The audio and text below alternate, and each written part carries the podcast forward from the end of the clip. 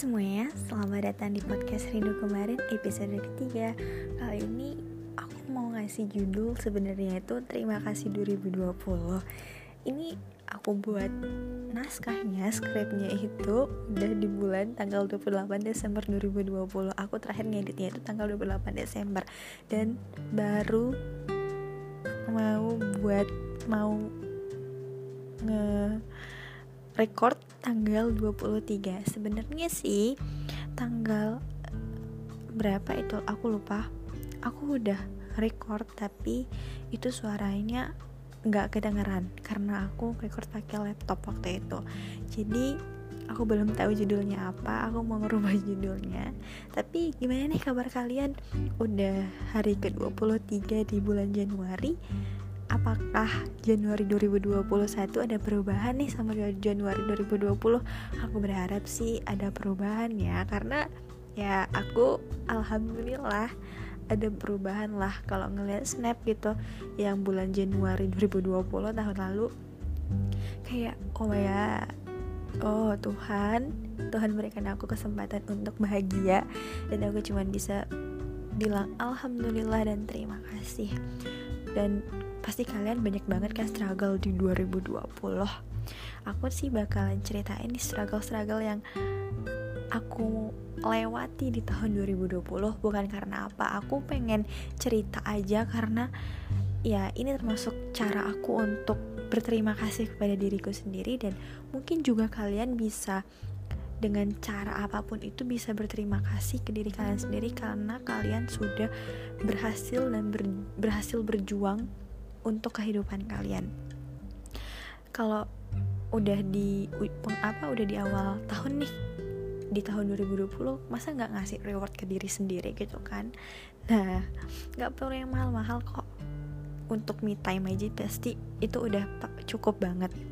Oke, episode kali ini tadi udah aku bilang aku bakalan kasih wejangan. Duh, cewek jangan kayak udah tua banget ya padahal masih ya masih umur masih kecil lah umurnya. Yang 18 masih kecil lah ya. Oke.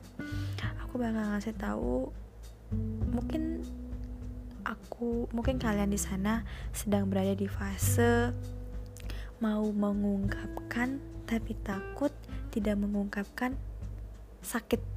Kayak ngapain sih mendem? Hati tuh mikir ngapain sih mendem tapi pikiran logika aduh nggak nggak nggak bisa nggak bisa nggak bisa. Tapi kalian tahu nggak?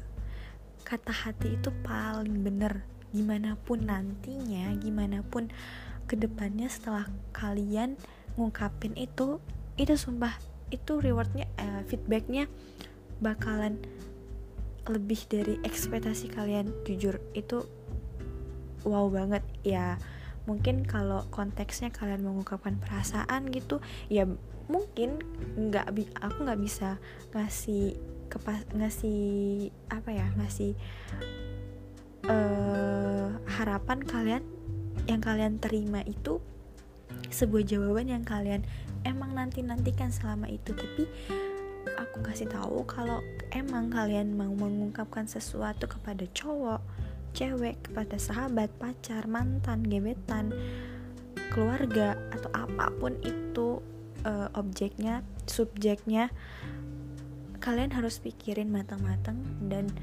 kalian harus yakin kepada diri kalian sendiri kalau ini aku dan aku harus mengungkapkannya. Dan di, di, di diri kalian sendiri tuh harus bener-bener mikir kalau gimana ya uh, ya udah ini perasaan aku kalau dia mau menerima dan tidak mau menerima ya ya udah itu urusannya dia. Yang penting sekarang kalian udah mau memberitahu dia gimana sih perasaan kalian ke orang itu orang tersebut. Aku pernah aku pernah berada di posisi itu. Sebenarnya sih kocak eh kocak sih sebenarnya. Aku bisa bilang ini kocak banget karena aku sama dia nih berteman sahabatan banget sahabatan aku kenal dia SD 2014 dan waktu itu dia pernah nembak aku tapi aku tolak karena ya ampun dia itu alay banget sumpah. Bagi kamu aku aku sumpah aku beneran aku sumpah ini pasti didengar dan oke okay, 2014 itu aku nolak kamu karena sumpah alay banget anjir. Bener-bener alay. Tapi aku nggak mutus komunikasi memutuskan komunikasi sama dia aku tetap komunikasi. Akhirnya kita SMP dan satu satu sekolah. Dan saat itu aku punya pacar dan pacarku itu ternyata berteman nih sama si dia nih si cowok ini. Terus habis itu kita teman dekat kita punya geng kita punya kumpulan ya bukan ya bukan dibilang bukan organisasi bukan geng juga ya kita tetangga tetanggaan lah sih istilahnya. Mood booster kalian tau kan mood booster. Nah dari situ kita udah teman-teman temenan dan sebenarnya di SD itu aku juga punya perasaan tapi perasaan ya ya udah cuman sementara gitu loh.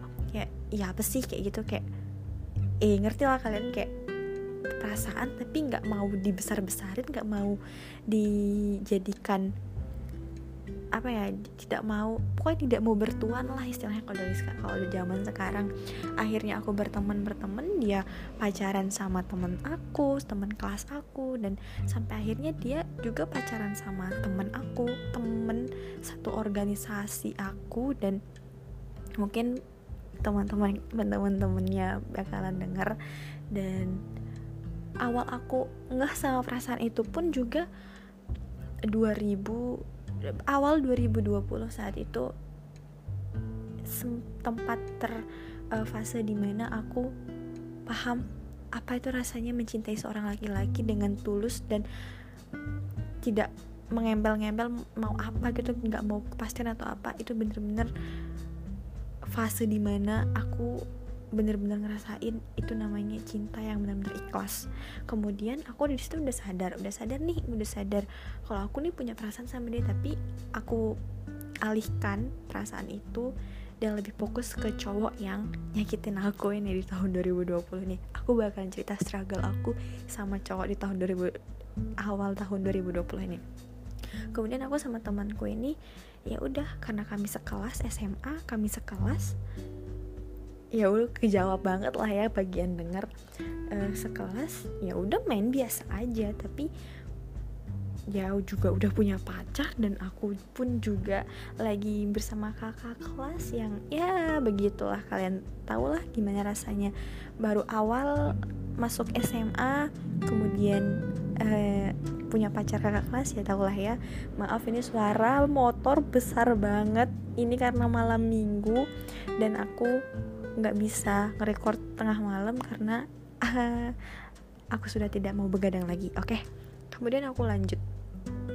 Di awal corona itu aku mulai deket-deket sama dia. Ya deket karena minta tugas sih sebenarnya tapi aku ngerasa kok beda ya? Ini cowok beda ya? Gini gini tapi akhirnya ya ya udahlah habis itu sampai akhirnya aku fase di mana aku bener-bener aduh ini sih beneran beneran suka ini sih beneran beneran pengen udah ada rasa. Dan aku model tipe cewek yang mungkin ini bagi sebagian cowok dengernya ih kok nggak ada harga diri banget ya? Tapi aku ngerasa cewek cowok ya ya setara. Di mana sih kesetaraan gender tuh kalau orang bilang kesetaraan gender sekarang udah udah disetarakan ya kali nggak boleh gitu seorang perempuan seorang cewek ngungkapin ngungkapin perasaannya duluan. Menurut aku sih menurut aku pribadi ya wajar wajar aja. Toh cewek juga kan manusiawi gitu loh. Nah dan aku pun ngungkapin dan cara aku ngungkapin pun ya ya seperti tadi aku bilang aku uh, aku tanya ke diri aku sendiri apa benar itu punya perasaan seperti itu? Dan aku yakini perasaanku sendiri apakah itu perasaan benar-benar ada atau gimana atau hanya lewat? Dan tapi setelah mikir-mikir 6 tahun nggak mungkin hanya lewat terus kan yang emang bener ada perasaan. Tapi di sini aku ingetin selama dia pacaran sama temen aku aku nggak ngerasa cemburu atau apa. Mungkin setelah denger ini aku mungkin dikira pelakor or apa aku ya ya udah terserah. Yang penting aku di sini aku nggak pernah uh, ngerusak hubungan atau apa selama dia pacaran sama temen aku sahabat aku. Aku nggak pernah ngapa-ngapain oke? Okay, aku nggak pernah chattingan apa bla bla bla oke okay, mungkin aku deket karena project project eh, ya yang sangat amat banyak sama dia. Ya nggak banyak sih project kelas lah itu mungkin karena itu dekat dan aku nggak aku saat itu pun nggak ngeh kalau aku punya perasaan sama nih cowok nih temen nih sahabat jadi kalau ngera aku di kalau iya kalau aku dikira hmm, PHO ah ya oh oke okay. kayak gitu aku cuma bilang aku cuma ketawa dan hmm, oke okay, oke okay, oke okay. terserah orang mau bilang apa dan setelah itu aku ngomong sama dia dan ini baru beberapa bulan yang lalu aku ingat banget bulan November akhir bulan November. Lebih tepatnya mungkin uh, tanggal satu hari Senin 30 31 kayaknya tanggal 29 atau tanggal 30 eh 29 deh kayaknya tanggal 29 November aku inget banget. Pokoknya itu akhir November aku ngomong ke dia dan aku ber aku tidak expect banyak karena aku hanya ingin mengungkapkan apa yang kurasakan dan aku nggak mau mendem lagi tuh karena di otak aku ini udah terlalu banyak yang harus dipikirkan dan yang dipendam. Jadinya aku ngungkapin ya begini lagi gini gini gini gini. Dan jawabannya tidak sesuai ekspektasi ups tunggu dulu. Tidak sesuai ekspektasi belum tentu itu sangat menyakitkan ya. Karena ekspektasi itu waktu itu ya aku di aku dibully gitu. Ya aku aku udah aku udah uh, udah siap gitu. Setelah di aku ngungkapin tuh aku dibully kayak ih gila lo kayak kayak gitu. Aku udah siap banget tapi ternyata jawabannya tidak sesuai ekspektasi. Ya ya cukup membuat aku ya cukup membuat aku terengah speechless dan wow ternyata kayak gitu. Itu adalah kebahagiaan di akhir 2020 aku. Tapi kita uh, flashback lagi ke awal 2020 tadi aku udah bilang aku pernah aku di 2020 di awal tahun 2020, 2020 Januari 2020 aku merasakan aku mencintai menyayangi seseorang dengan sangat amat tulus. Karena kenapa aku bilang kayak gitu? Karena aku nggak punya status hubungan apa-apa sama nih cowok. Kayak ya ampun tapi kayak tulus banget tapi ya semesta nggak ngizinin aku buat sama dia.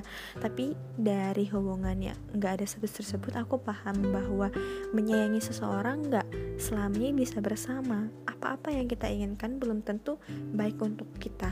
Oke okay? 2020 uh, kita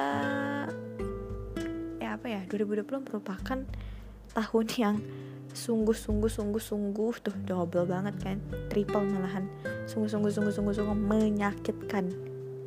Sumpah itu menyakitkan. Kayak wow banget. Ya sumpah asli. 2020 itu sangat amat menyakitkan. Di awal tahun aku kehilangan orang-orang yang aku sayang. Bener-bener kehilangan orang yang aku sayang. Nggak nggak nggak mikir gitu kalau bakal ditinggalin secepat itu. Tapi sebenarnya aku ada feeling buat ditinggalin sih sama ya aku uh, aku punya peka peka itu mbah kakek dan aku nggak expect secepat itu dia. Nggak nyadar gitu bakalan secepat di awal tahun aku kehilangan dia. Kemudian uh, di bulan itu bulan Maret aku kehilangan peka dan itu aku inget banget tanggal 14 Maret. Dan tanggal 13, 13 Maretnya aku terakhir keluar sama ini cowok yang nyakitin aku. Dan bersama sahabat aku kita pergi bertiga. Hai Pawan Ijo. Terakhir aku ke Pawan Ijo waktu syuting Jenaka. Hmm, jangan lupa kalian nonton Jenaka di Avatar Kreatif oke? Okay? kemudian aku ngerasain hal-hal yang sangat amat menyakit, menyakitkan dari awal 2000 dari awal bulan Maret dari awal Januari sih udah sakit tapi aku berusaha untuk ya udah nggak apa-apain karena ya udah biasa aja gitu tapi bener-bener nyakitnya itu dari Maret sampai September oke okay. di bulan-bulan itu aku ngerasa kehilangan jati diri aku sendiri dikarenakan aku bener-bener kehilangan peka kemudian aku kehilangan nih cowok kita sebut saja dia Tommy. Tommy ini benar-benar buat aku apa ya ngerasa aku sayang banget sama dia cinta banget sama dia waktu itu ya. Aku bener-bener kayak jadi cewek terbodoh yang pernah ada di muka bumi ini. Kayak udah tahu aku nggak punya satu sama dia tapi aku masih bertahan. Udah tahu disuka sama adik kelas tapi aku masih bertahan tolong. Mungkin kamu denger dia hmm, maaf aku goblok waktu itu sumpah cuer. Tapi sekarang aku udah biasa aja sih sama dia. Kita ya kita teman kita teman. Ya udah aku aku udah mulai melupakan hal-hal itu ya. Tapi ya ntar saja aku jelasin. Kemudian aku tuh aduh loh aku kelompatan nih. Aku baca skrip dulu ya guys. Oke. Okay. dari kejadian-kejadian itu aku mengalami trauma ya. Aku mengalami trauma yang bisa dibilang itu buat keseharian aku agak terganggu sampai sekarang. Aku nggak menyesali apa yang telah terjadi sih di tahun ini. Bahkan aku bersyukur banget di tahun 2020 maksudnya. Bahkan aku bersyukur banget bisa dapat pelajaran yang belum tentu orang lain dapat nih. Tangisan kekecewaan terus menerus aku rasakan. Tapi aku yakin saat itu bahwa bahagia akan datang pada waktu yang tepat. Aduh pas banget kan. Quotesnya bagus motor lewat. Aku ulangin ya Tangisan kekecewaan terus-menerus aku rasakan, tapi aku yakin saat itu bahwa bahagia akan datang pada waktu yang tepat. Aku berdoa saat itu apa pun yang terjadi, aku akan ikhlas menjalankannya. Tapi berikan aku waktu terbaik di hidup aku untuk merasakan kebahagiaan itu. Aku sempat uh, mengalami, aku sempat mengalami apa ya? Uh, rasa yang gimana ya? Aku nggak bisa ngejelasin.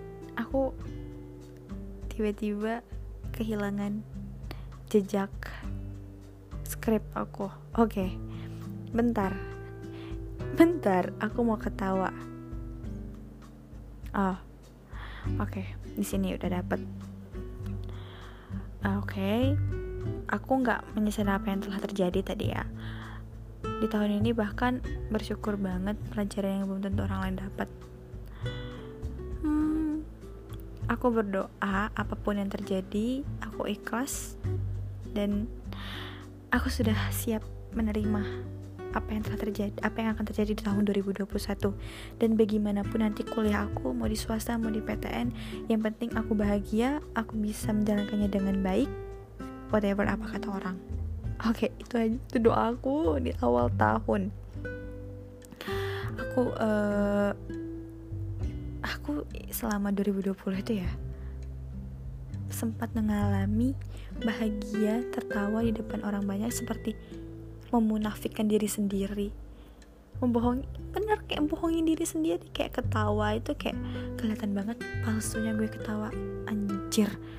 Sampai itu adalah salah satu keluarga aku bilang palsu banget kalau ketawanya. Itu teriak di depan keluarga besar kayak aku aku tetap ketawa tapi hati aku iya juga ya. Hati aku sih bilang ya ampun. Atau aku bilang iya juga ya.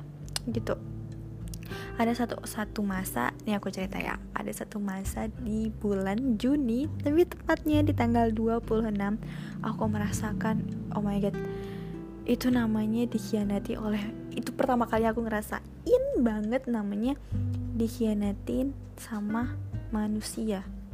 Ya mungkin di bar di tahun uh, di sebelumnya juga aku pernah dikhianatin sih. Tapi aku nggak merasa itu dikhianatin tapi ini benar-benar ngerasain apa itu namanya dikhianatin. Ya udah nikmat Tuhan benar-benar gila. Itu hari aku nggak bisa tahan air mata. Orang lain ngajak ngomong ketawa ya tapi aku keta ya aku ketawa sih tapi aku sambil nangis. Itu nggak bisa ngebayangin lagi deh waktu itu. Kayak orang nih ketawa nih ketawa iya aku ketawa tapi hatiku bener-bener berduka banget terus air mata nggak bisa berhenti. Kalau diingat rasanya ya wow gak nyangka aja bisa ngelewatin hal yang hampir ngebuat aku waktu itu overdosis karena setelah mengetahui hal pengkhianatan itu rasanya kepala udah kehilangan akal itu aku nggak tahu setelah aku minum obat ya iya yang sebanyak itu. Aku nggak tahu aku udah ngelakuin apa. Aku cuman taunya aku jalan aku jalan aku pergi ada acara keluarga aku diam aku diam aku hanya ngeliatin orang. Aku nggak tahu orang ngajak aku ngomong atau apa terserah aku tidak tahu akan hal itu. Dan aku pulang aku tidur baru besok paginya aku baru sadar. Aku udah melakukan hal itu. Terus ya mungkin tapi ini dulu aku jelasin dulu. Mungkin bagiku itu pengkhianatan tapi mungkin terlalu kasar ya aku bilang pengkhianatan. Ya itu kayak ya udah perjalanan hidup saja perjalanan pertemanan bisa dibilang pertemanan bisa dibilang perjalanan hidup ya udah kayak gitu. Aku nggak mau banyak omong di sini karena masih ada suka ada kesalahpahaman di sini oke? Okay? dari hal tersebut dari hal tanggal 26 Juni ini aku buat sadar. Aku akhirnya sadar kalau ap, apa ya? Kalau kita cinta sama orang kita sayang sama orang nggak usah minta lebih deh. Ya udah perasaan perasaan kamu perasaan perasaan aku kayak gitu loh. Kalau kamu udah ditolak nih ditolak mentah-mentah nggak dikasih hubungan status ya udah. Kalau kamu mau stuck sama dia ya udah jangan berharap kamu sama dia tapi stuck aja di perasaan. Arti nggak maksud gue? Eh maksud gue lagi maksud aku. Jadi kalau kamu punya perasaan ya ya udah perasaannya disimpan aja. Ih Tuhan bakal ngasih memberikan kita kebahagiaan dan cinta yang yang udah dia persiapkan. Percayakan hal itu dan setelah kejadian itu lima bulan dengan keadaan yang penuh luka mulai bulan September nih aku mencoba untuk healing diri aku sendiri dengan segala cara ya. Salah satunya dengan cara dekat dengan orang cara yang menurut aku salah banget untuk melupakan luka yang benar-benar buat kamu sakit dan kecewa. But aku benar-benar uh, aku menemukan diriku sendiri saat itu setelah beribu-ribu luka dan yes damn finally aku mencoba untuk mencintai diriku sendiri berkat kejadian-kejadian pengkhianatan uh, tanpa status dan lain-lain hal itu aku mendapatkan diri aku sendiri saat itu tapi karena ada beberapa hal masalah aku kehilangan lagi. Begitu. Ya samanya hidup gitu. Tapi aku sekarang mencoba lagi untuk mendapatkan diri aku sendiri yang dulu yang yang happy yang tetap tertawa tiap sekolah nanya halo apa kabar teman-teman? Dan ya aku masih mencoba dan mencoba dan aku mencoba mencari kesibukan melakukan hobi-hobi yang aku suka. Rasanya lepas banget sih dari hal-hal yang yang toksik menurut aku toksik banget itu ya. Sorry suara kucing. Itu hal yang pak setelah kamu setelah aku atau kamu mungkin meng, me, apa ya melewati hal-hal yang membuat kamu atau aku mati rasa itu sumpah nikmatnya. Subhanallah. Masya Allah. Nah bagi kalian nih yang masih berjuang buat uh, kehidupan kalian struggle buat kehidupan kalian nih jangan patah semangat sumpah jangan patah semangat. Berjuang untuk bahagia itu jangan patah semangat. Pokok jangan patah semangat. Aku yakin banget kalian bisa melewati semua itu dan jika kalian berhasil kalian bakal paham nikmat yang aku maksud. Dan sekarang aku sudah bahagia dengan diri aku sendiri dan orang-orang yang memang berpengaruh besar kepada aku. Dan aku nih mumpung aku lagi di podcast aku mau berterima kasih banget untuk teman-teman aku yang selalu ada emang bener-bener ada di titik terendah aku yang selalu dengerin keluh kesah aku padahal aku udah ngulangnya tiap malam, tiap hari, tiap menit, tiap jam. Tapi kalian tetap uh, eh, kasih aku motivasi, kasih aku kekuatan ya walaupun gak ada keluarga waktu itu tapi teman-teman aku ada. Terima kasih banget buat Nining, Ratu, Sabila, Lucy, Pandu, Aldi, Mulia, Mulia cowok cewek bukan cowok. Yang lebih tepatnya Ayang. Yang ada aja tingkah yang buat aku sadar bahwa bangkit dari rasa kecewa. Ini itu yang bangkit dari rasa kecewa itu indah banget. Ya emang sih butuh perjuangan dan butuh pengorbanan yang sangat amat besar untuk melewati kekecewaan itu. But apa pun yang akan terjadi esok kalian harus siap menerimanya.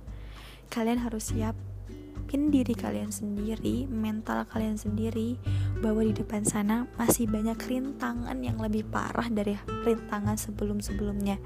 Dan Tuhan udah kasih kalian uh, apa ya? sejenis try out gitu, sejenis try out untuk ke depannya.